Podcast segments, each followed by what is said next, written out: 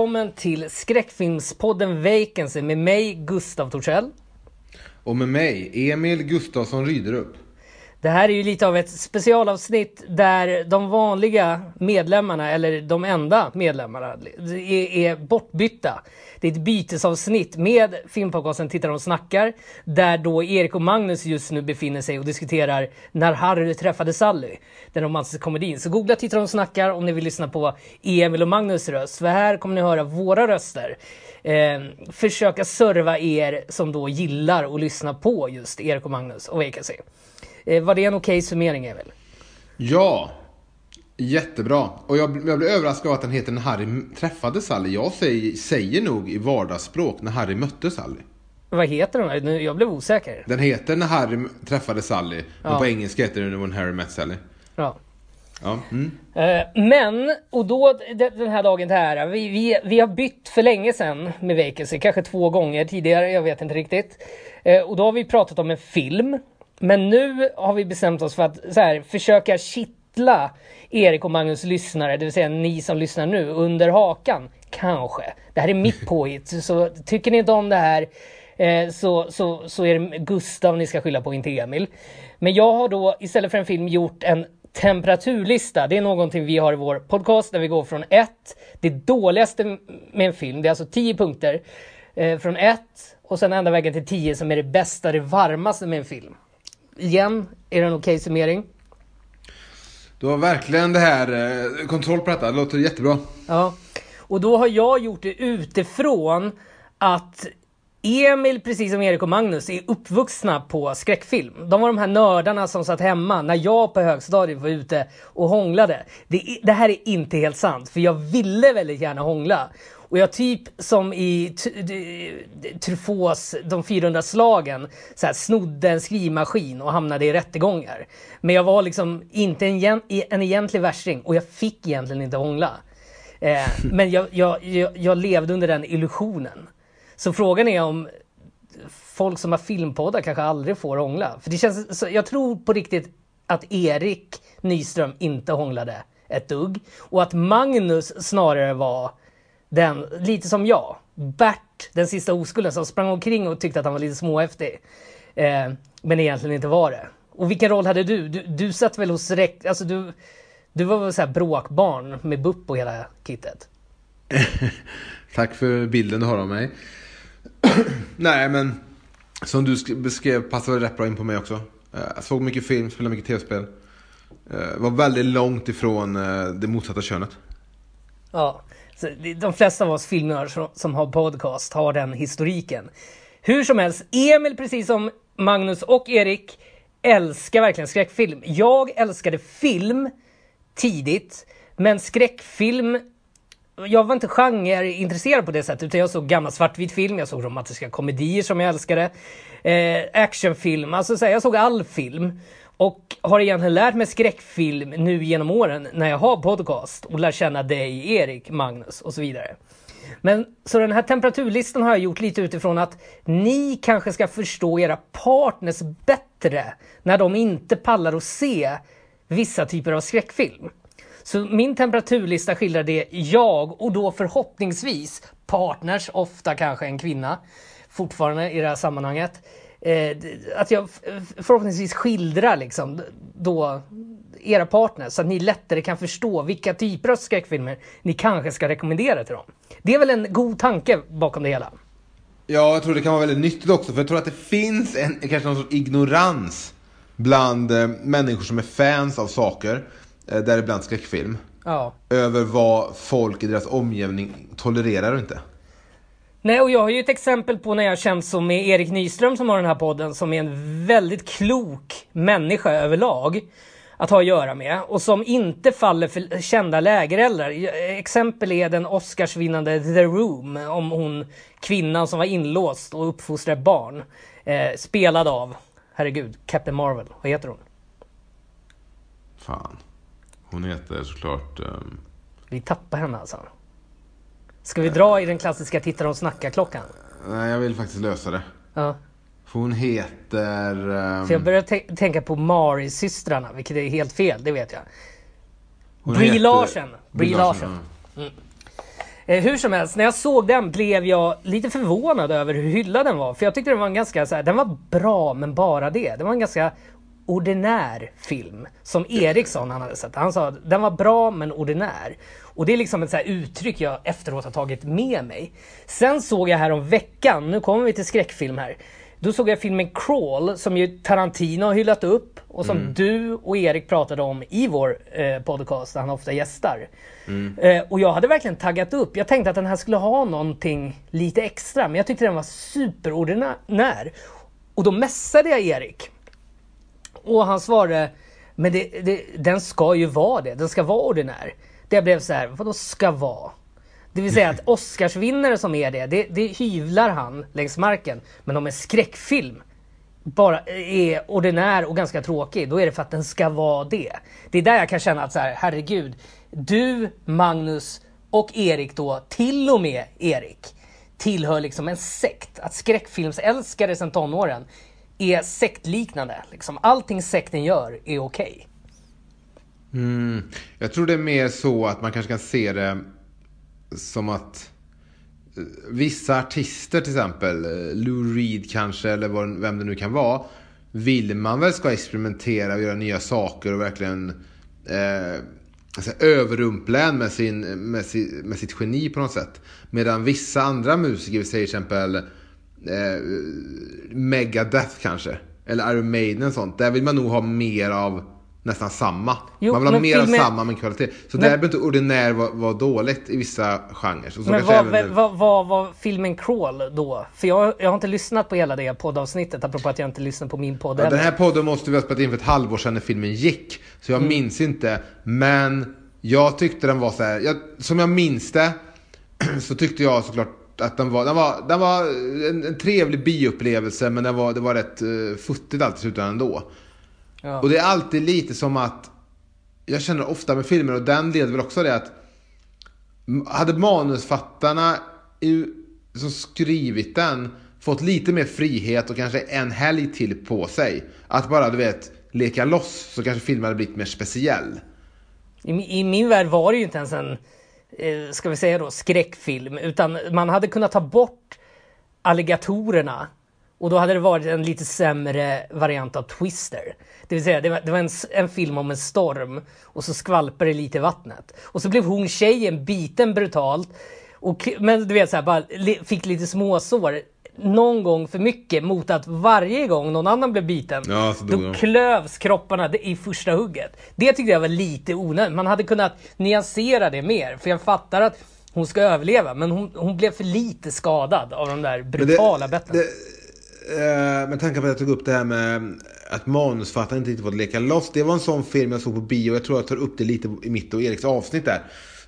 Uh, att det var en sån film där jag satt och kände att den var så ordinär att jag satt och hittade bättre lösningar hela tiden i filmen. Så här borde de ha gjort, så här borde de ha Men det är ju lite din special, specialitet. Nej, du, du, är faktiskt, jag tycker du, du, är, du är en bra och hade varit en bra manusdoktor i Hollywood. Uh, det kan jag faktiskt ge dig. Ska jag börja med min temperaturlista? vi, kommer säkert, vi, vi, kommer säkert in på sådana här saker. Det är alltså från 1, det kallas det sämsta. Och så 10 punkter ända fram till nummer 10, det varmaste, det bästa. Med paraplygenren skräckfilm. Det har ju massa undergenrer. Några kommer nämnas här.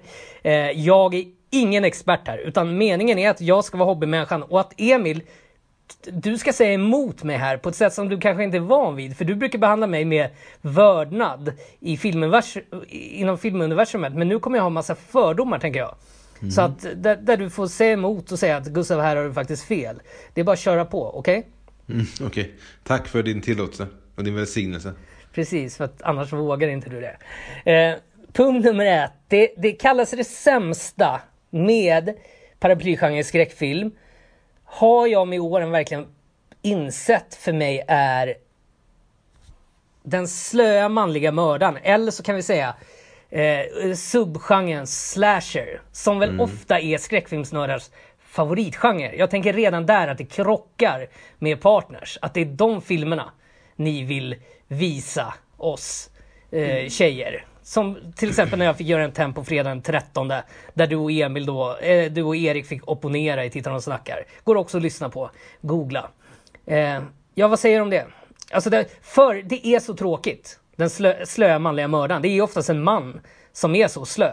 Kvinnor brukar vara mer rappa. Det är oftast ingen kvinna med hockeymask som Jason eller då Mike Myers-masken. Nu var det. fick du mig att tänka på den rappa kvinnan med saxen i Exorcisten 3. Eh,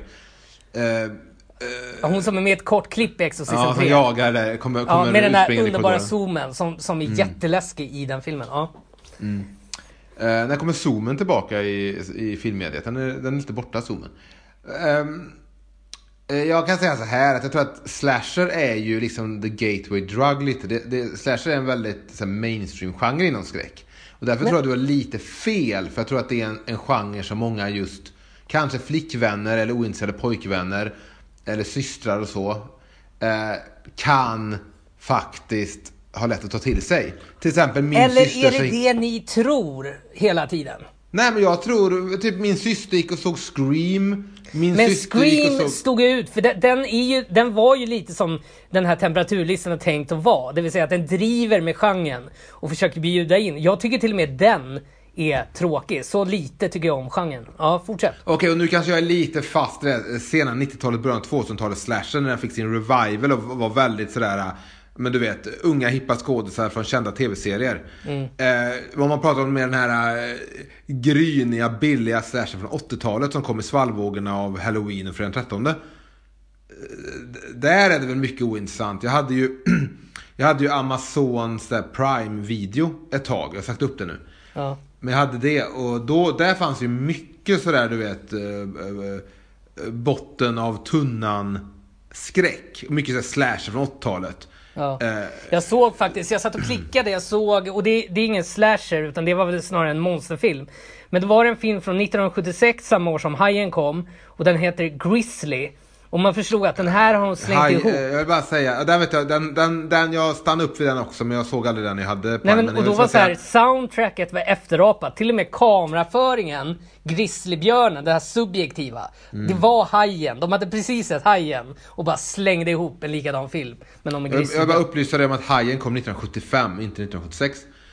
Nej men den här kom 76, förlåt. Men Okej, det var ändå, i- alltså det var, de hade sett hajen precis. Det stämmer ju ändå kronologin. Jag ville bara, det var, jag ville bara att det var någonting jag skulle hålla med om där Gustav. Då tänkte jag, det är årtalet, det, det kan jag knipa. Mm. Men eh, okej, men Grizzly, det, det, det, det är ändå en film. Jag tänkte att det vara, sån här, det var en övernaturlig grizzlybjörn. Men det handlar bara alltså, en, det är bara en man mot naturen film. Alltså jag vet, jag såg fem minuter så att jag, jag skapade bara fördomar. och sen Det är lätt att man gör det med de här billiga skräpfilmerna på Prime.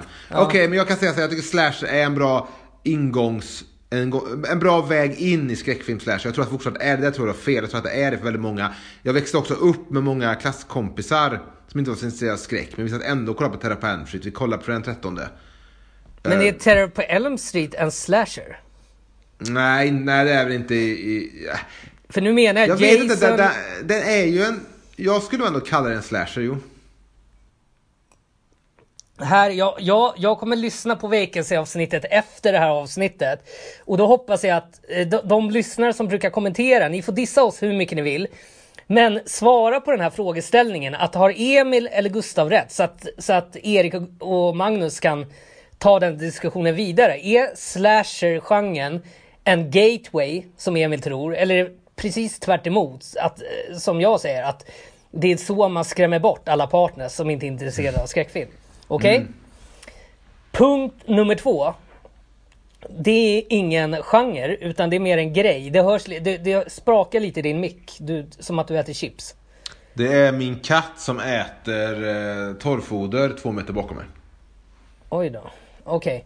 Punkt nummer två. Det näst sämsta, det näst kallaste med eh, eh, paraplygenren skräckfilm. Då har jag skrivit oljuden. För det kan verkligen vara jobbigt. Alltså så här, regissörer som mist, alltså så här, misstar liksom att jump scares ska vara jobbiga skrikande skråkar. Eh, inkluderar även i oljuden Scream Queens, som ju är legendariskt bland skräckfilmsnördar. Eh, och jag har alltid tyckt att det bara är jobbigt med de där tjejerna som ska skrika väldigt högt och obligatoriskt. Det hade, för mig hade man kunnat stryk, ta bort den traditionen. Liksom. Är, du ett, är det någonting du ser fram emot eh, i filmer?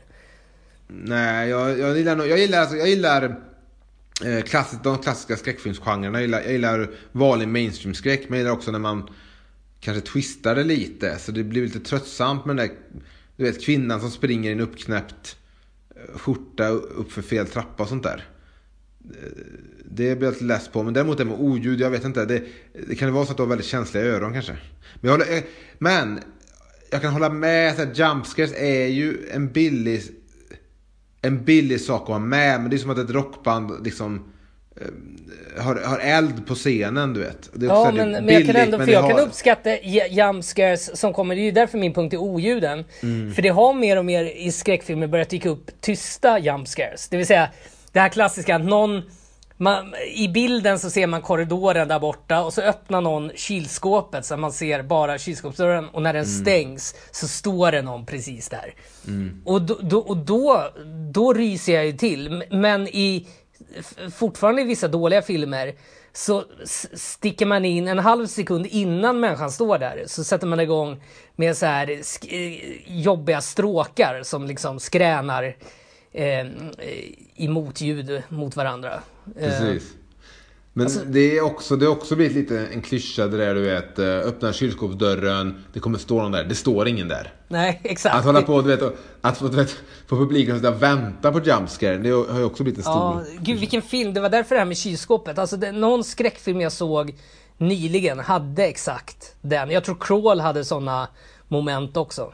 Mm, säkert. Jag minns ju mest från, ehm, från filmen The Ring. Möjligt att det även är med i Ringu, men jag minns det tydligt från The Ring. Just det där kylskåpsdörren och så står det ingen där. Men vi börjar redan, jag går vidare till punkt nummer tre, för att vi har redan börjat beröra det, att där finns en konflikt. Och eh, jag skickade även ett sms till Erik och var så här, alltså där, där jag minns faktiskt inte vad han skrev, men det behandlade det här. Så att jag tog, på punkt nummer tre sa jag, eh, som alltså något ganska dåligt med skräckfilm, då är det konservatismen. Och det, jag tycker du berör lite det när du försvarar och det jag har pratat om att det är en sekt. Att så här, jo men det ska ju vara det. Rockbanden har alltid haft eld på scen, vilket för övrigt också är en tråkig klyscha. Ja, ja, ja. Men Så, det, så jag kan det, tycka att ja. konservatismen är tråkig, men jag, vet, det här, här, jag, jag kan inte svara emot mig vad Erik sa, men han hade något så här, vadå? Skräckfilm är ju det, den genre som förnyar sig mest, var han inne på. Håller du med om det? Jag vet inte, men nu har inte jag koll på alla, alla knepiga subgenrer så du vet, så som de har. Nej. Men det vet jag inte om jag skulle hålla med om rent spontant. Men... Men till Alltså- exempel, så här Emil. Eh, ta romantiska komedin som hade en guldålder på, säg, vi säger 40-talet. Eh, och då fanns ju även screwball-komedin som skapades som en All, det var en subgenre till romantisk komedi där eh, kärleken skulle tas som en klackspark. Det, det kändaste är väl att tänka sig Spencer Tracy och Catherine Hepburn när de tjafsar. Liksom. Kärleken är ett roligt tjafs. His Girl Friday kan jag rekommendera som finns, det ligger i blodet, på, med Cary Grant och Rosalind Russell, finns på SVT Play nu. Eh, klassisk, eh, Tarantino rekommenderad Screwball. Men med åren så har ju Screwball spelat ut lite sin roll för att eh, det, det har vuxit sig in i den vanliga romantiska komedin och de försöken som görs till Screwball funkar inte. Alltså bröderna Coen gjorde något med George Clooney. George Clooney försökte göra en egen, den där sportfilmen som floppade. Marine Just det, Le- Leatherhead hette den väl? Ja, just den, det, precis. Den in, Coen-bröderna hette La Intolerable, Intolerable Cruelty. Ja. Cruelty. Eh, men men medan då skräckfilm kanske så här, de, de, de, enligt mig då, har inte, ska, ska hänga kvar vid att bara försöka göra de här screwball-filmerna trots att det är ute ur tiden. Jag är väldigt fördomsfull, det är, det är meningen som sagt. Jo, men det, är- vadå, det är väl det är ingen större skillnad mot det med skräckfilm. Slashergenren hade sitt årtionde på 80-talet. Um, ehm, uh, eh, sen kom den här japanska skräckfilmsvågen, slutet av 90, början 2000. Uh, sen kom ju tortyrporren med So Hostel. Det går ju också i vågor. Ja. Nu har vi den här, du vet, eh, kidsen på cyklar på 80-talet vågen. Med Stranger Things och det och det här. Det var en riktig så här sub, sub, sub genre. Så allting kom ju och går och sådär, men jag tycker att Ja, alltså för att det ska vara en genre så måste det finnas en del konventioner. Någonting måste ju binda ihop genren. Ja. Så att det ska bli en genre. Och, det, och jag kan tycka om den säkerheten. Det är det som kan vara skönt att slå på en fredag den 13 film. Det är som att spela ännu ett parti Monopol. Man vet ungefär vilka spelpjäser som finns. Det, alltid, men... Jag kommer faktiskt tillbaks till det du säger nu. Det blir en slags revansch på temperaturlistan. Jag känner att jag, jag har inte världens bästa självförtroende med den här listan. För att min grundtanke var så ädel. Men jag känner att jag har ganska lite kött på benen jag slänger ut. För att jag, jag hade behövt researcha en sån här lista på ett sätt som det är omöjligt att jag skulle hinna göra. För att då hade jo, men behövt... du, du som den ointresserade flickvännen i den här relationen. Ja. Eh, din ignorans eller okunskap eh, liksom följer ju med att du är ointresserad av det. Ja, precis. Förstår du vad jag menar?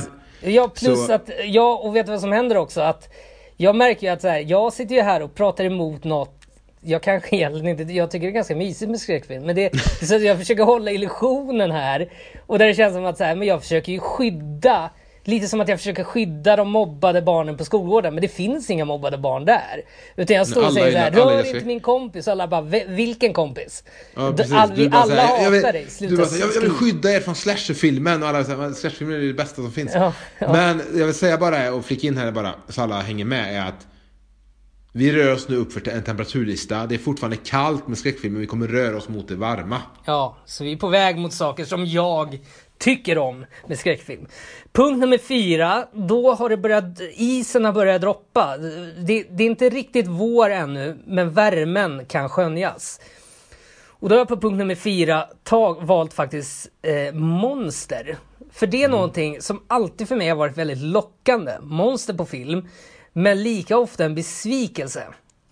Eh, alltså så här, när man såg Frankenstein som barn så var det, li- det var lite den här, den slöa mördaren. Nu var ju Frankenstein inte ens ond egentligen. Men att, han, han dränker väl ändå en, en eh, flicka? ja, men, men att monster sällan är så läsk, inte alltid är så läskiga. Som man vill att det ska vara. Även monsterfilmer. Jag tänker så här, Gremlins som jag tycker väldigt mycket om.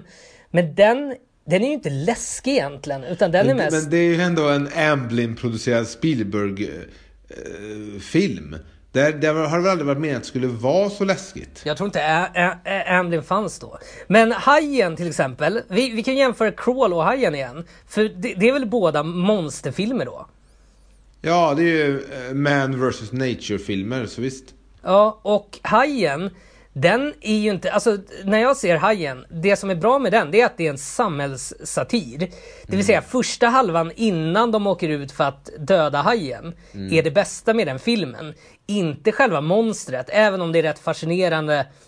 Den var, fakt- den var lite läskig ändå. Vad finns det mer för kända monster? En, var, en amerikansk varulv i London tyckte jag väldigt mycket om. Då se, ser man ju inte kanske monstret lika ofta. Vad tycker du då om en amerikansk varulv i Paris? Uppföljaren som finns på Prime Video. Den såg jag i den såg jag på bio faktiskt. När den Ja. hade premiär. Alltså den var, för den, den, den var så här, den var godkänd men den hade ju inget mot originalet att göra. Det var väl det Men jag sen på kände. monster, räknar du även med så här Freddy Krueger som en monster eller räknar du han som är en slashermördare? Det, det är väl här jag känner att jag tänkte att du skulle ha massa smarta Erik Nyström-svar här. Eller Magnus för den delen. För, för kanske att jag tänker, mer, alltså i så fall om jag skulle välja slasher mot monster så tycker jag att Freddy Krueger går under monsterkategorin. Okej, men och, och, Ja men sen har du ju, okej, eh, Cenobiterna i Hellraiser, är det monster eller slasher? Varför, varför ska vi prata slasher versus monster? Alltså alla... Man skulle kunna se Jason som en monster också, men jag förstår lite vad du menar med med monster. Att det kanske inte är en människa i blå overall. Ja, jag vet inte, finns det någon definition här som jag borde ha kollat upp? För jag frågade faktiskt, jag, jag snabbt bollade med Erik Nyström så här, i korta draglistan och då hängde han upp sig. Han bara, vad menar du med monster egentligen? Och jag var så här, äh, det löser sig. Och ju, nu har vi kört fast Jo men det i finns ju ett par kända monster om vi tar sådana. Jag tror du kanske syftar på den här typen av film. Vi har ju The Thing, Carpenters och även originalet. Och vi har ju till exempel The Blob. Där har du ju verkligen monster. De kan ju inte betecknas som Alien, annat än är monster. Alien monster då? Ja. Alien är ju ett monster också. Men är För det är ju ett härligt monster. Men, medan kanske så här Grizzly, och kan, kan du komma på något sämre monster som aldrig... Läskigt Dracula är ju ett monster. Han, jag har alltid tyckt att Dracula är totalt oläskig. Ja, jag, men jag känner att Dra ja, Dracula har inte varit läskig, men jag känner att det finns stora möjligheter att göra mer en elegant film med Dracula. Och, och folk har ju nu, det, det har börjat någon tv-serie Dracula på Netflix. Där folk är så här, den här verkar, så den verkar vara lite åt det hållet. Men jag kommer inte undersöka saken. Jag vet inte, men det är en BBC-serie i tre delar som också kom på Netflix då. Okej. Eh, hört lite blandat om den, men jag var sugen på den när jag såg trailern. För det var kul att se en sån här modern tolkning. Alltså jag vet inte varför det är roligt, men det är någonting ändå trevligt med att det finns en miljard olika Dracula-filmatiseringar och en miljard porträtt av Dracula. Ja. Det finns någonting kul med att se ett nytt porträtt. Jag tror min favorit Dracula är inte ens Dracula, utan det är Fright Night 2. I ettan så är det Chris Sarandon som en jättetråkig så här vampyr. Fan inget dugg läskig. Men tvåan hade ganska underhållande monster. Så att, ja, men jag har som vad sagt tycker monster- du om eh, Colin Farrell då? Men den var helt okej, men jag har glömt den. Men den, den var, han var charmigare än Chris Sarandon, det var han. Ja, Colin. Farrell tycker jag om. Men finns det några kända monster som jag kanske gör att jag sätter det bara på punkt nummer fyra? Alltså populära filmmonster som jag inte tycker är läskig. Kommer du på någon på rak arm? Eh, Just som du inte, du inte skulle tycka var läskig också. Ja men såhär popular... Ja, men vad tycker du om eh, Tremors då? De monstren som... Vilka eh, var sa du? Tremors, Hotet från underjorden. Heter den väl på svenska? Oj, den har inte jag sett sedan 89. Det var ju lite roligt. Ja. Men, men, men ja, de är väl okej. Men de var ju inte läskiga. Det var ju en underhållande film. Det är kanske det jag menar. Men den var ju inte läskig. Så, så det kanske det helt enkelt. Vi kan gå vidare eftersom du inte heller har massa monster. Men, men att monster hamnar på nummer fyra för att det är egentligen inte läskigt. Det är mer underhållande om eh, universumet runt monstret är roligt. Alltså karaktärerna och story och sådär. Men monster i sig och det kommer jag komma till när jag kommer högt upp på listan. Vad var jag rädd för som barn? Mm. Och jag var aldrig rädd för varulvar. Jag var inte rädd Men för var du, du var väl ändå rädd för Tim Curry i det? Inte det minsta. Nej. Det, även remakesen, jag har aldrig förstått den berättelsen. Och jag läste mycket Stephen King, men, men när jag såg den där Det-serien som var ändå ganska populär i min generation, jag är 70-talist. Eh, så tyckte jag bara den alltså, så här, var tråkig och när jag såg remaken som blev hyllad så kände jag så här, men han, det finns inga regler kring den här. Jag menar i The Shining, då sker saker på det här hotellet. Eh, jag har inte sett uppföljaren. Eh, men eh, i det, då är det så här, han kan hitta på vad som helst. Han kan hoppa in, likt Freddy Krueger i en dröm. Och plötsligt kan han inte det. Och så istället blir han ett monster, det vill säga det tråkigaste monstret. Här har vi det på film. Spindeln, den stora spindeln som ska vara det läskigaste i Sagan om ringen också. Ja. Alltid ska det vara en stor spindel. Och jag är så här, det här det är inget läskigt. Det är som att ett barn sladdrar med sin docka framför mig när jag sitter och ser på TV. Jag är så här, okej. Eller när, ett barn som säger wow. Och jag är så nej, gå och lägg dig, ung jävel. Men det är ju i sådana fall lite kul att de just valde i både Tim Currys, eh, den tv-serien, och i den nya det att de i slut gjorde Pennywise till ett, en stor spindel. Det är lite roligt då om det är det tråkigaste monstret du vet. Ja, och det är kanske därför, det kanske är filmen Dets fel att monster kommer på punkt nummer fyra. Punkt nummer fem på Temperaturlistan.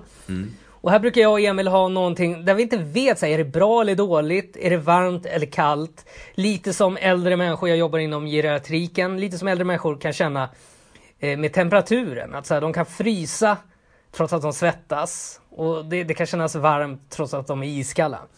Eh, lite så är eh, punkt nummer fem. Och där har jag valt att ha rubriken filmvåld och naket. Eh, för där vet jag inte alltid. Jag kan förstå kritiken nämligen mot stereotyper, men kan vara väldigt förtjust. Till exempel när, vi, när jag tvingades se om fredag den 13, eller se om för första gången. Se fredag den 13 del 3 med dig och Erik.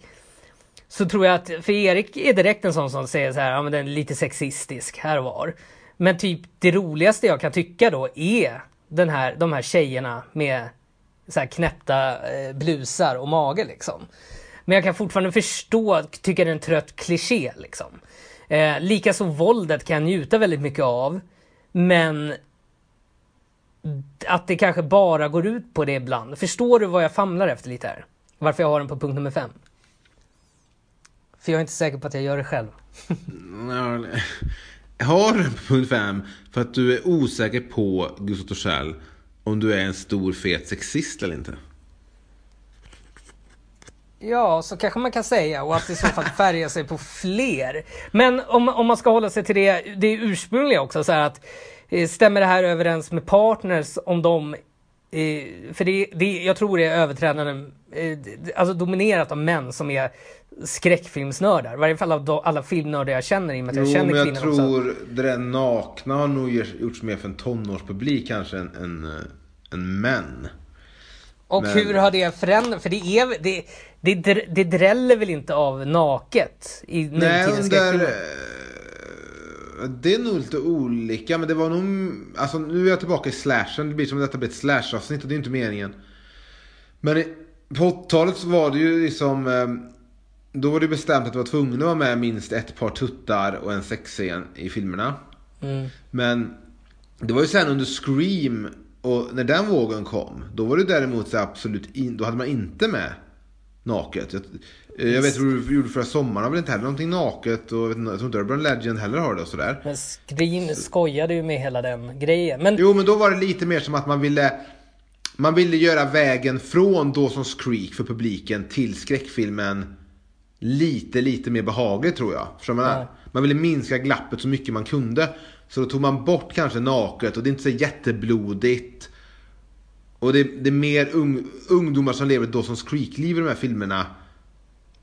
Än vad det, än vad det liksom ska chocka publiken. Kan Men, jag menar? ja, och om vi går från naket till eh, det första ordet, filmvåld. För att jag kan vara ganska förtjust i att när man ser en skräckfilm då är det okej att gilla det som kanske kallas gore, helt enkelt. Mm. Och jag, jag kan, jag vet att när jag såg eh, remaken av, vad heter den? The House on, on the last end of the street eller vad den heter. The Last House on the Left. Ja.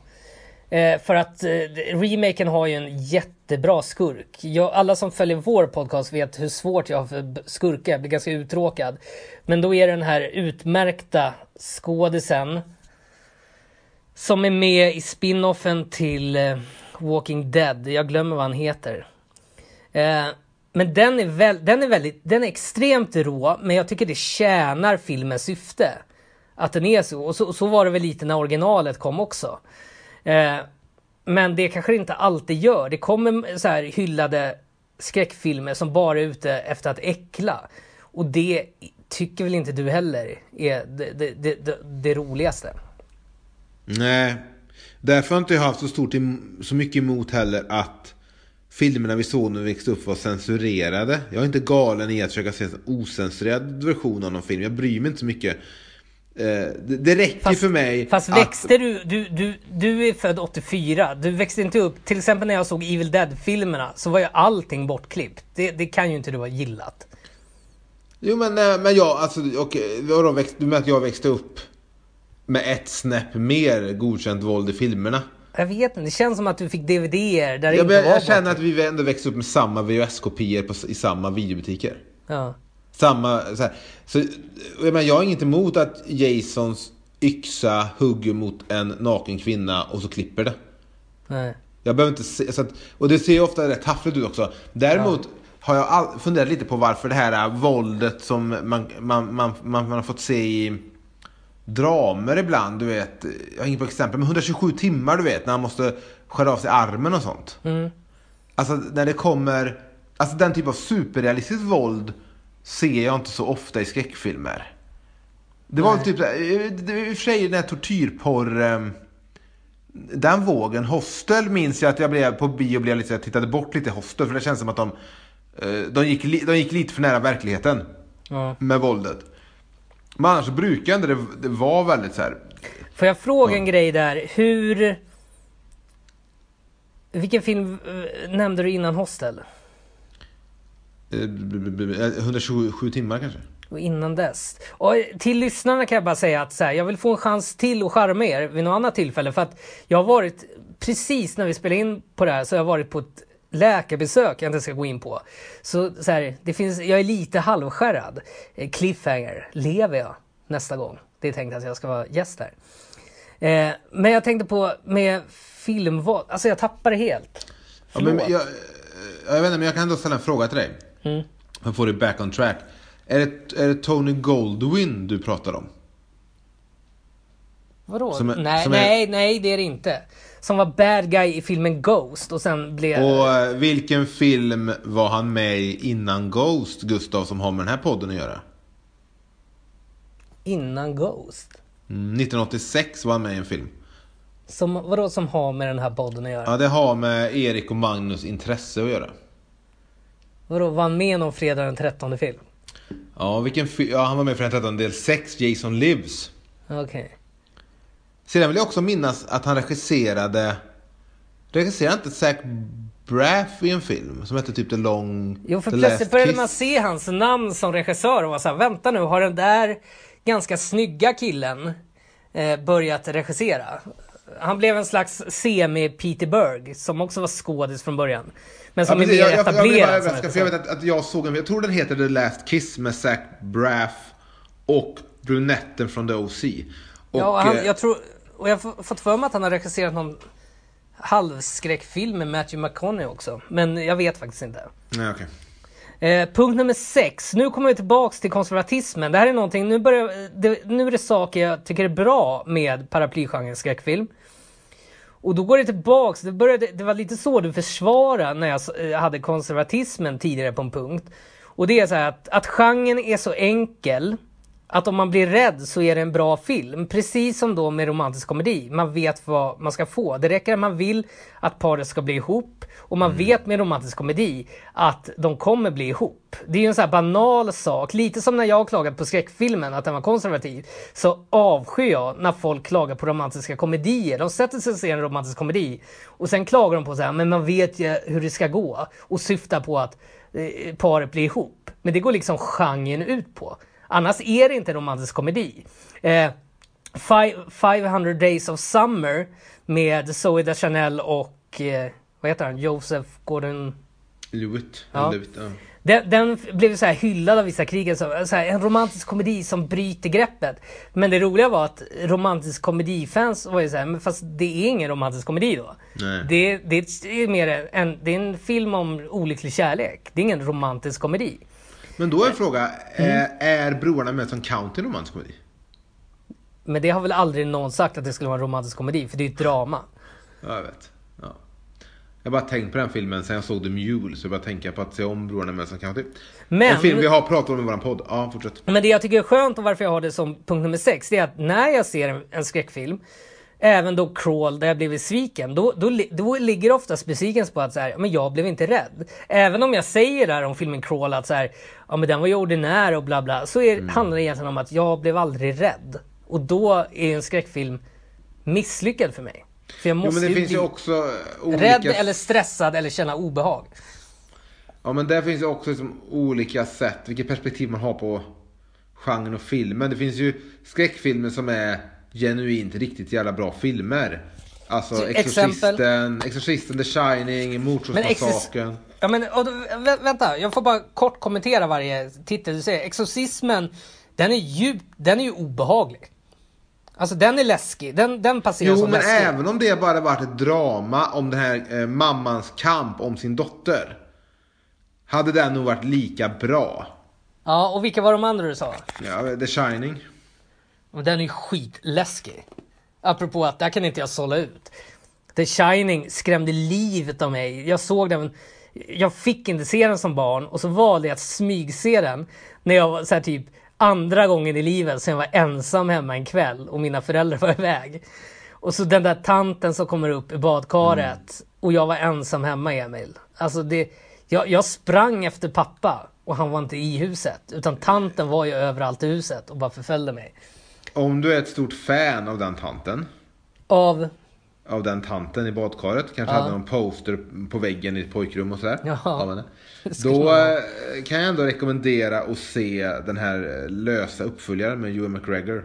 Dr. Sleep. Jag blev jättesugen. Har den kommit som hyrfilm? Det tror jag inte men den är väl på väg någon gång nu. Den gick, Ja. den gick väl upp i oktober någonting. Det, räck, det, det räcker att du nämner att hon får en liten comeback här för att jag ska bli sugen på att se den filmen. För jag blir sällan sugen. Alltså direkt när jag läste så här, ja det kommer en uppföljare. Jag har inte läst den boken. Men när jag såg att det var Ewan McGregor, som är jättesympatisk, men jag tycker inte det är roligt att titta på Nej, filmen. jag, jag minns när den boken släpptes. Och det första man hör är att ja, det är, det är uppföljare till The Shining, intresset på topp. Sen bara, ja det följer den här pojken när han är vuxen och jobbar på ett ålderdomshem. Då var det så här, Ja, nej, nu är jag inte intresserad längre. Jag trodde, hade det däremot varit en, en till en bok Vilken som diss just med ålderdomshemmet, för det är Ja, det jag jobbar jobbar, med. Ja. Eh, jo, men hade det varit en helt annan familj, en helt annan historia satt i det hotellet hade jag varit mer intresserad. Gissa vad jag är minst sugen på med den som då heter Dr. Sleep. Mm. Gissa vad jag är minst sugen på med den filmen. Vilket inslag, vilken Ja, karaktär. utan att spoila då säger jag, om du är ointresserad av eh, möjligheten att de återvänder till hotellet. Nej, det, det lockar mig bara. Okej. Eh, det, är en, det är en karaktär. Som en, Ja. det är en ny karaktär. Då är det hon eh, damen med hatten. Ja, Rebecca Ferguson som jag älskar. Jag är så imponerad av hur hon eh, lyckades vara verkligen så här klassisk femme fatale, eller vad man säger, i eh, Mission Impossible-filmen. Så jag är imponerad över att, liksom hennes karriär. Men den typen av karaktär, när hon dyker upp och är lite så här har en, en, ska vara läskig i en hatt, sektläskig, Kristi brud. Just att det är den där hatten, gör, alltså då blir hon bara min pappas släkt. Alltså den här eh, kulturbesserwisser liksom, med en fånig hatt. Jag, jag kan inte köpa att hon är ondska eller vad det då ska vara. Nej, jag tror säkert det var lätt för Stephen King att skriva det där. Ja, och så har hon en hatt på sig. Och det, det är någonting han kom på i stunden och det funkar. Och i en bok så kommer ändå eh, alla... Det finns större möjlighet att alla ändå att, att tänka det. Att Ja. tänka det själv. Att liksom skapa sin egen fantasi och att det, att, det, att det funkar och är läskigt. Ja. Det blir svårare när man faktiskt ser det på svart och vitt. Jaha, det där är Rebecca Ferguson i en Du, hatt. får jag innan jag går vidare till punkt sju eh, göra lite smygreklam? För att, alltså, det, det hade jag inte tänkt, men precis efter det här läkarbesöket, när jag satt på pendeltåget hem, så fick jag en follow på mitt Instagramkonto, at Gurra Torssell. Stämmer det? Att det är min adress? Det är din... eh, Ja, där. Ja. Då fick jag en, och vet vem som följer mig plötsligt? Jättekonstigt. Jag kan inte namnet nu eh, på, på rak arm, men det är en kvinna som är Oscars-nominerad som set decorator för The Irishman, Scorsese-filmen. Ja, men hur, och är hon svensk eller? Nej. Så hon, hon börjar följa mig. Jag tycker det, den är ju lite rolig ändå, eller hur? Ja, det är fantastiskt. Ja, eller det, den, är, den är i varje fall rolig, inte fantastisk, men den är väldigt så här. Jag bara, vem är det här? Och så bara, vänta nu. Och så bara, hon är Oscars-nominerad. Alltså så här, ja. Och då är frågan, kommer The Irishman vinna Oscar för bästa film just då? Nej, för nu, vilken vann Golden Globe? Ja, det är intressant där, med 1917. Som jag är sugen på. Jag är en, jag blev jätte, jätte, jätte besviken på Dunkirk. För att folk hade sagt så här, den är helt dialoglös. Och så var Har den du, inte har du alls det. sett eh, intervjun med när Tarantino sitter och hyllar Dunkirk? Ja, jag har sett den. Eh, för att eh, vår eh, kompis Tony Savela som älskar att bli nämnd i alla typer av pod- poddar. Magnus och Erik känner till honom också. Tony är som ser till att folk känner till honom. Eh, men han ville typ sätta dit mig för att jag inte gillar Dunkirk och använda att så här, Tarantino snackar upp den. Men det gav inte mig så mycket när han gjorde det. Det enda jag kan gå med på det är att så här, jag, jag, jag blev besviken för jag hade en helt annan förväntansbild när jag såg Dunkirk. Och skulle kunna tänka mig att se om den. Men nu kommer ju den här 1917 av Sam Mendes. Som jag tror, jag tror den kommer vara lite det jag väntar mig av Dunkirk. Eller så blir jag besviken igen och då är inte World War II movies för mig. Jag tycker det är så konstigt för att alltså jag kände till så här filmen 1917 men inte mer än så. Jag visste inte om vem som regisserade, jag visste inte om vem som eh, Jag håller med, den var anonym den. tills att den vann alla Golden Globe Ja precis, ja, jag vet att det kom någon trailer så man, som man inte ens såg men man, man såg att trailern fanns ute.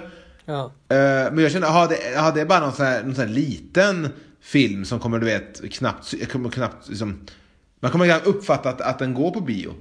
Men nu vann den en massa eh, Golden Globes där och så eh, och nominerad nu till Oscars. Ja. Jag, vet, jag, jag, jag vill bara säga så att det, det, det är sagt. Jag tror Little Women vinner Oscar för bästa film. Ja, det, nej det tror inte jag för att Greta Gerwig blev inte nominerad till regissör. Så varför sk- skulle den lyckas smyga sig in där? Det är lite som Nej, att... jag tror det. Jag tror, det Tid- blir, jag tror bara det blir ett slag för, eftersom det var inga, det var inga kvinnor typ nominerade till Golden Globes, det var en massa sånt. Och, jag tror den kommer vinna och sen så tror jag säkert att han Parasite-regissören vinner bästa regi.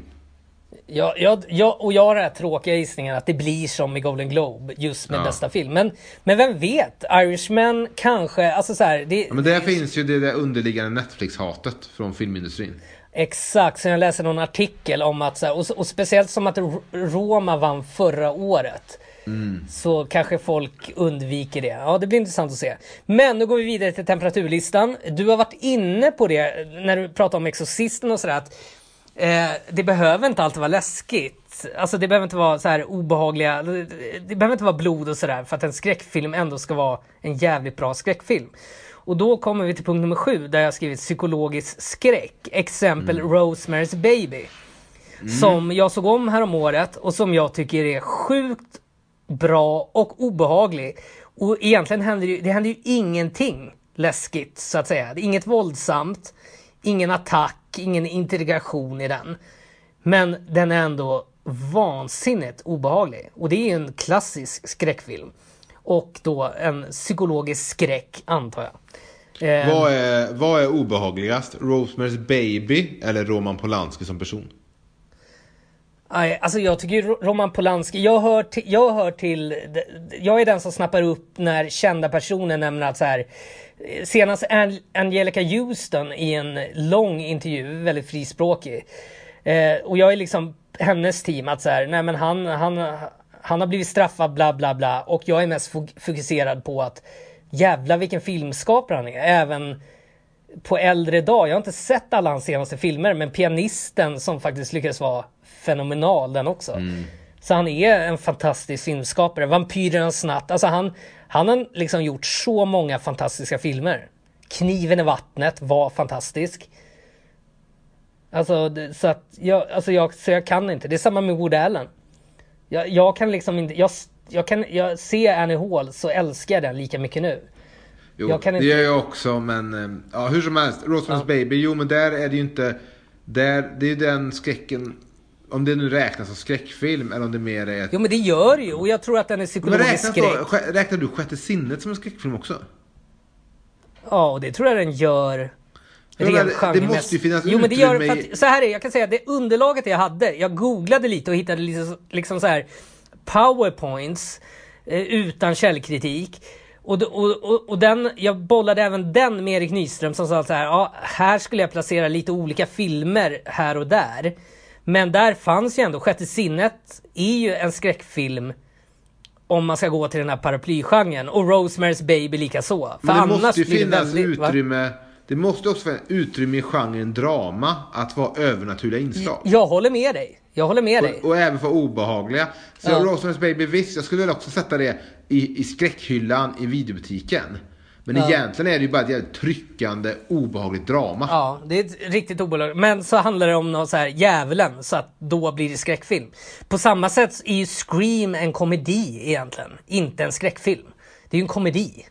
Jo, men, ska- då, men vad är då måndag hela veckan? Då är måndag hela veckan en... Vadå måndag Ja. hela veckan? Det är ju en komedi. Vad pratar du om? Jo, men den innehåller ju den här... äh, Du menar Alltså- att det skulle kunna vara en skräckfilm? Ja. Eller att det, eller att det borde räknas som... Ja, men det är science fiction eller det är typ... äh, Fantasy i så fall. Ja, fancy kanske. eller något Att det är Twilight Science Zone-avsnitt. fiction är det inte. Eller ännu roligare då för att hålla oss till skräckfilm. Att måndag hela veckan, att du vaknar upp i samma dag. Att det faktiskt är, eh, skulle kunna klassas som en Men skräckfilm. det finns ju, det finns ju den äh, Happy Death Day to You. Ja, som jag såg för att det skulle vara en måndag hela veckan, men den var inte tillräckligt bra. Alltså bra skådespel. Nej, det enda jag kände, och det är väl problemet när man gör en sån film som återanvänder samma händelser och samma miljöer. Men den filmen kändes så tv-liten. Ja, Att den kändes nästan som att man satt och kollade på någons YouTube-film. ja.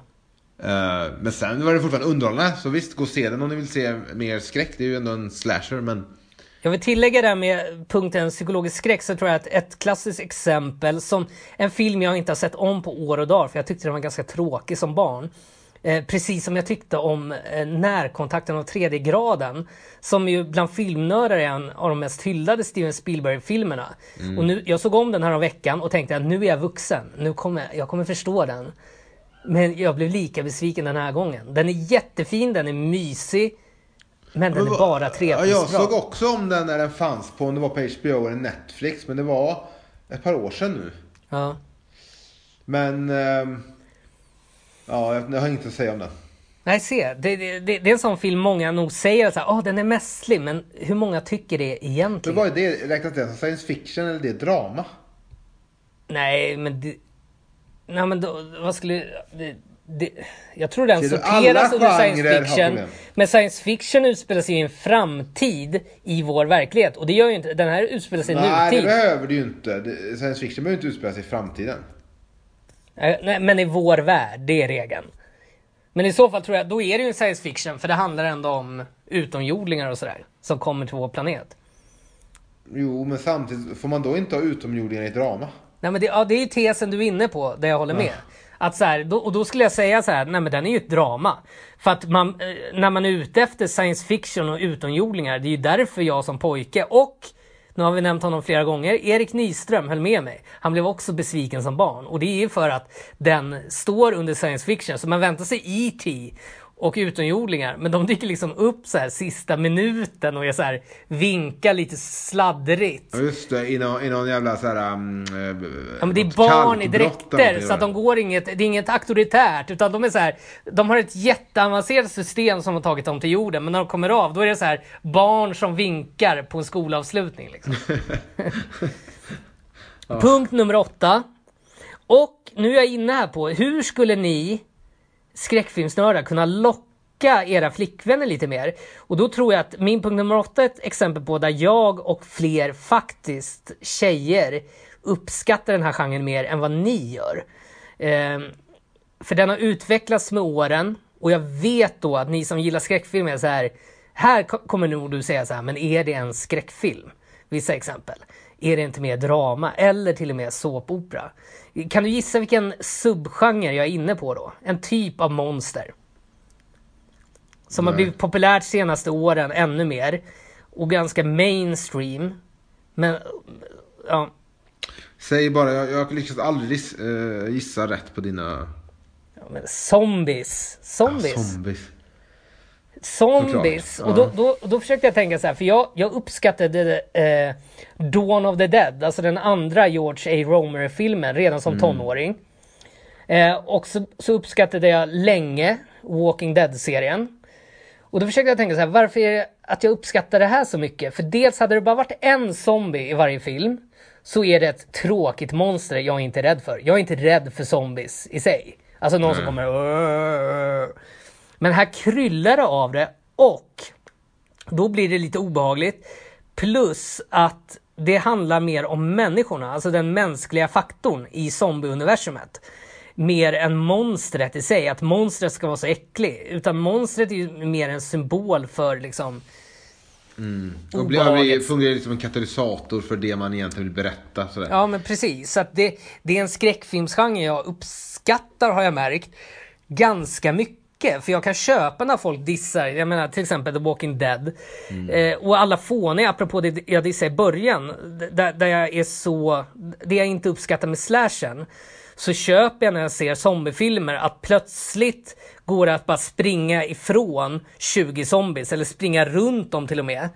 Men när det passar manus så kan det komma en zombie som är jättelångsam och det blir problem. Tre stycken människor blir uppätna. Jo men det är ju samma problem slasher filmen har när man bestämmer att Jason bara ska Ja, men, promenera. ja exakt, och det, men det jag menar är att med slashen då, då blir jag såhär, nej jag köper inte. Men med zombies, då köper jag tydligen det. Så att, Okej, zombiegenren är ju en filmgenre jag faktiskt är nog nästan som mest ointresserad av.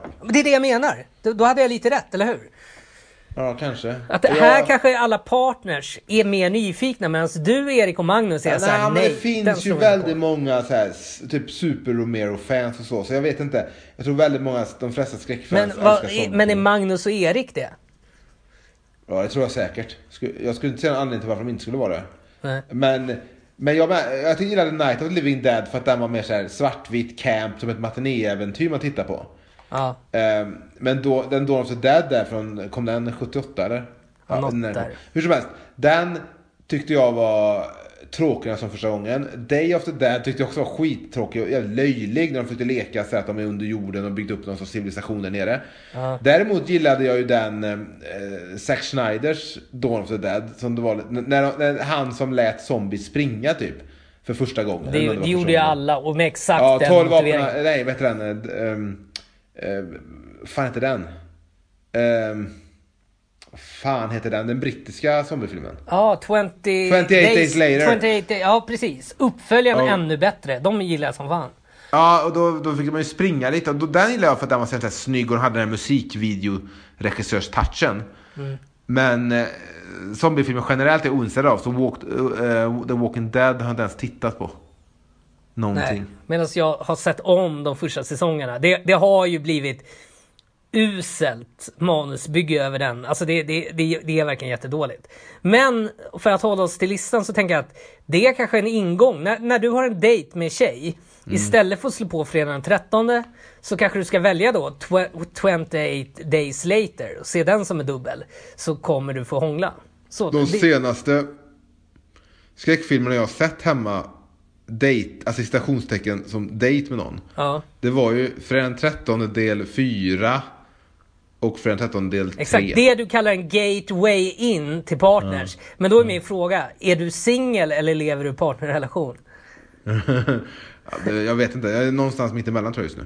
Ja, okej. Ja. Så, Så, då det- återstår... Då, så, då, så här, det går inte så snabbt som det kanske hade gjort men 28 dagar senare.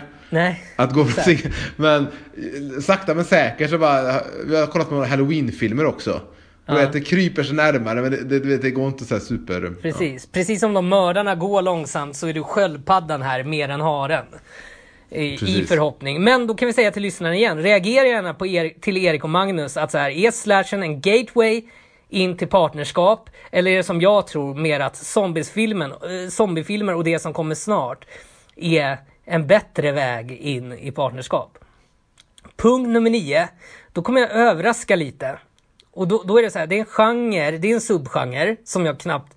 Jag visste inte ens att jag gillade den genren förrän jag kollade igenom de här olika powerpointsen.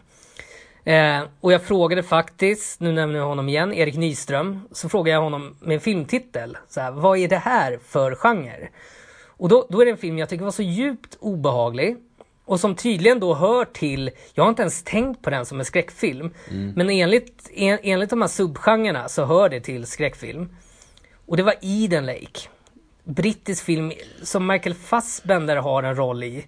Ja, kan man säga att han breakar lite den? Eller innan han breakar Ja, som du... exakt. Det är innan han breakar med typ Fish Tank i en biroll också. Ja, precis. För, där spelar han...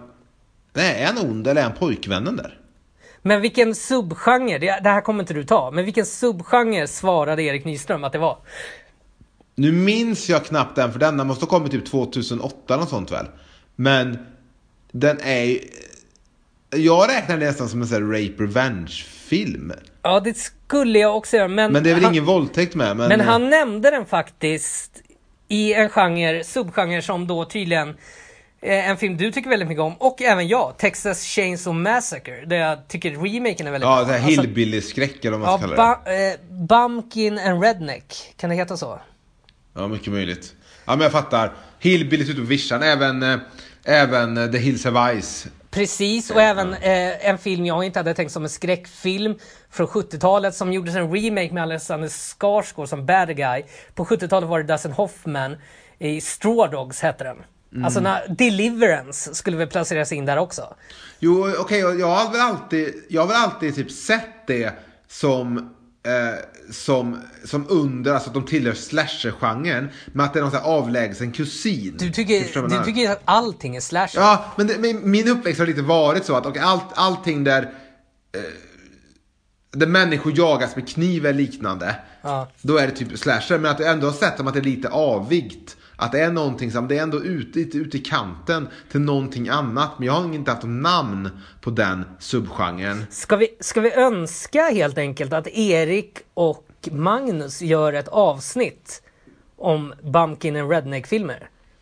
De har väl gjort, de har gjort fler avsnitt än vad vi har gjort på, med Tittarna och snackar. Så det fin, kanske finns eh, en möjlighet att de har gjort det. Jag borde helt enkelt kolla. Ja, som sagt, jag vet inte om det har kommit mera avsnittet, men jag lys- lyssnar inte på vår egen podcast Tittarna och snackar. Och jag lyssnar inte på Vacancy trots att jag hela tiden eh, loggar in och tänker det. Men jag börjar prata med mig själv i huvudet efter två minuter. Det svåra så- med Vacancy, jag lyssnar på Vacancy, men det svåra med Vacancy är att de snackar ofta om så smal eller, eller skum film. Ja. Eller så snackar de om en film jag känner till, men så pratar de också om originalet som inte jag har sett. För den Så är... man vill se, precis. Det har jag känt Ja. ofta när jag ser och de här, eh, så här poddavsnitt. Nej men jag vill se filmen först. Och så liksom, Ja, så vid något tillfälle vet jag att Erik Nyström, som du har nämnt många gånger i podden, Ja. att han typ nämnde någon film och så kom jag på, ja den såg jag nyss. Och då blev det så här, "Ja, just du har ett, ni har ett avsnitt om den, nu kan jag backa tillbaka två år och lyssna på det där avsnittet som jag har glömt av att ni har gjort, men nu har jag faktiskt sett den filmen. Så så blir det ibland. Men det är i varje fall, jag skulle vilja höra dem diskutera De- Deliverance och Eden Lake i en sån här dubbel till exempel. Om det går att få ihop. Ja, eller jag tänker Eden Lake och Lake Placid. Vadå med Daniel Craig?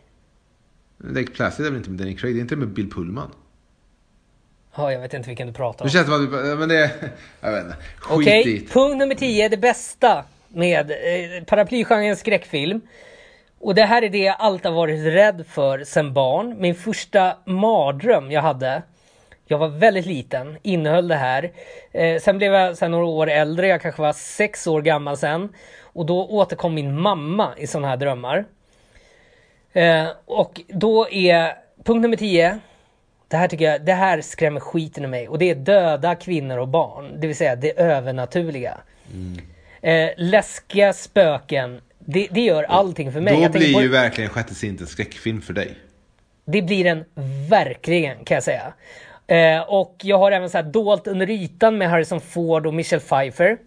Ja, den pratade jag om. Det, eh, jag ska inte prata om min mamma i den här podden, det, det, händer, det får vara någonting för vår podd. Mm. Men jag, just, jag diskuterade just den filmen. Det är en sån film som jag ser titt som tätt och jag alltid vill se om. Ja. Det finns, Det- det- ing, jag- det, finns, det finns aldrig ett tillfälle i livet där man inte vill se om dolt under ytan. Och den där läskiga frun, nu kommer spoilers helt enkelt. Ska vi undvika det också? Brukar de undvika det? Jag tror de undviker spoilers mer än vad vi gör. Jag vet inte om vi har spoilat någonting. Men i Dolt under ytan så får, vad ska man säga, en, ett spöke får sin revansch och det är både läskigt och tillfredsställande ur revanschsynpunkten. Det var när, Och överraskande innan någon, eh, innan någon spoilar premissen för den som du precis gjort. Ja.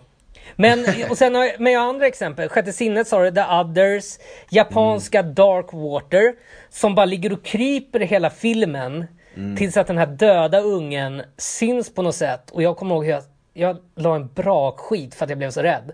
Bara väntan på det här döda barnet eller döda kvinnan. För... Var, håller- var, det på en, var det på en dejt som du... Nej, det var med min dåvarande... Tänk er Chandler, Chandler och Joey i Vänner. När jag liksom sambodde med en, en av mina bästa manliga vänner. Eh, så det var bara han som, han, han typ rop, han hoppade till av min brakfjärt och sa vad, vad helvete på gotländska. Kan du lägga av för fan. Eh, sen har vi Don't Look Now. Rösten från andra sidan med Donna Sutherland och Julie Christie som också är precis som Dark Water. Att så här, det existerar nästan inget övernaturligt och sen dyker en jävligt obehaglig, typisk död kvinna upp i slutet. En, och det gör hela filmen. Eh, ett annat exempel, Ins- Insidious 1 och 2. Vars huvud, vad ska man säga, huvuddemonen är som det var på min punkt nummer fyra, ett monster, typ djävulen med horn. Inte ett dugg läskig. Men när det dyker upp döda kvinnor som skriker till huvudkaraktären, någonting så här fostrande du vet. Alltså att hon har varit elak mot sina barn röst. Jag dör. För att det var även det jag drömde mardrömmar om som liten. Min mamma svävade i taket och var arg liksom. Men mamma då, har du sett den? Ja, det är någonting. Så fort det är han Del Toro så blir det lite mindre läskigt. För han har väl Det, är- nej, det, är producerat inte, det är inte Del Toro, han har väl producerat den kanske, men det är ju...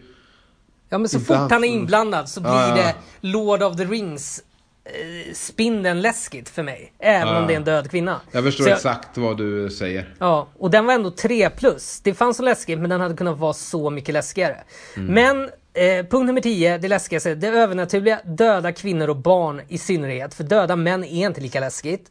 Eh, för att det påminner väl om den långa manliga mördaren liksom som lunkar fram. Man är så här, ja men du kommer ändå inte komma ifatt mig. Medan döda kvinnor och barn når dig var som helst. Det finns dock en läskig gubbe, dock inget spöke. Men det är Brian Cox som pappan i The Ring. Jag minns inte det som något läskigt. Jag skulle säga gubben i Poltergeist 2. Han var läskig. Ja, men han, jag tycker han är, han tycker han till och med är läskigare i trean om jag minns rätt. För Poltergeist 3 är en så otroligt underskattad skräckfilm. Som ofta del 3 är i skräckfilmsserier. Har du fler exempel? Det har jag verkligen, Gustav Torssell. Exorcisten 3. Ehm, vi har även Halloween 3. Okej. Sen kommer jag ingen eh, mer stans. Får jag avsluta, avrunda samtalet med att nämna en spökfilm, det är en remake. Där jag tycker att även de manliga spökena är obehagliga. Där, alltså jag älskade den här, mycket för underhållningen. Eh, men att jag, just för att jag tyckte att så här, spökena sitter, till och med männen, de döda männen, är obehagliga. Och då är det 13 Ghosts, remaken alltså, från 2001 tror jag. Jag minns en, en kvinna med jättestora tuttar och någon som delas, delas i två delar av en glasdörr. Mm, det stämmer. Då, och då Den är det väl mindre... skulle Men det, jag ja, men, den, men okej, det kanske är subjektivt, men för det är en ganska dålig film och den innehåller allting som gör att jag hatar slashen. Alltså du vet så här, stereotyper, den skrikiga liksom afroamerikanska kvinnan, Mm. eh, även de här så här, eh, nu delar vi på oss grejen, alltså alla de här dumheterna som jag avskyr. Men för att spökarna, och det är därför det är min punkt nummer 10 också, fungerar eh, så är det liksom, eh, så funkar den filmen jättebra på mig. Så att dö- det övernaturliga, döda kvinnor och barn, det är min punkt nummer 10. Det är ju inte din favoritgrej inom skräckfilm, eller hur? Nej, men det kan ju också vara för att, det är, för att det just är läskigt. Vilket gör det svårare för mig att sätta på filmen. Det sköna till exempel då med en slasher återigen. En mainstream slasher från det Hollywoodska Hollywood. Ja. Är ju att man kan sitta och mysa lite med filmen. Jag köper det och jag tror att det är det jag redan som barn missförstod med genren slasher. Jag trodde, även när jag då gick och såg Scream som vuxen, att så här, nu ska jag bli rädd. Och så blev jag besviken på att jag inte blir rädd. Men man ska ju inte bli rädd på det sättet av slashern. Helt enkelt. Nej, man ska väl mer oroa sig lite och alltså, sitta lite på nålar. Men, eh, men Eller Ja. ha kul åt eh, eh, konservatismen. Helt enkelt. Av att man känner igen sig. Ja men precis, att man ser en, alltså som sagt. Alla slasherfilmer har typ samma spelpjäser men det handlar om Det handlar om att se hur roligt de har Hur roligt de har använt spelpjäserna på ett nytt sätt. Ja. Men, och, det, eh, ja. och det kan inte du och jag diskutera vidare, utan det får du diskutera med Erik och Magnus vid något tillfälle. Då skulle ni kunna gotta ner er i det och lära mig ett och annat. Mig och era partners. Eh, ska Ja, vi ja, ja. avsluta där? Ja, det kan jag. jag känner att jag har framstått som väldigt okunnig i det här avsnittet. Men det är helt okej. Nej, För men att- det är mycket, du, du hade, det var svårt att jobba med mig. Du hade behövt någon sidekick här. av- Alltså antingen Erik Nyström som vi har nämnt alldeles för många gånger mot hur vi har nämnt Magnus. Så att Magnus borde varit med här och sidekickat dig. Då hade det varit lättare. Två människor jag lärt mig precis aldrig fick hångla när de var unga. Nej, eller det fick ju ingen av oss fyra. Men jag lite låtsades att jag fick det. Ja. Uh, Vacancy och även Tittarna snackar är två podcastar om film. Två kompis-podcastar om film. Vi, ja. vi finns i samma universum på samma sätt som uh, Mad about you och Seinfeld och Vänner fanns i samma NBC-komedi-universum. Mm, det var en bra lig- ja. Och eh, Vacancy hittar ni såklart eh, på eh, iTunes och på vacancy.se och allt det där. Och så hittar ni på tittarnasnackar.se. Och eh, om ni till exempel vill lyssna på ett avsnitt om när Harry träffade Sally. Som då Erik och Magnus har pratat om den här veckan. Eh, vi kommer återkomma i våran podd om någonting annat. Och jag är väldigt säker på att Erik och Magnus kommer återkomma här om någonting annat inom skräck. ja. Ha det bra så länge Gustav. Ja, och tack Erik och Magnus för att vi fick vara här. Och tack alla som lyssnade ända hit. Trots att ni längtade efter just deras röster. Vi ja. vet att sånt kan vara jobbigt. En, eh, en dryg timme utan norrländska, det är ju horribelt. Ja, med den här eh, gälla stockholmaren med den träiga Trollhätte-dialekten. Det är en chock för någon. Men okej. Okay.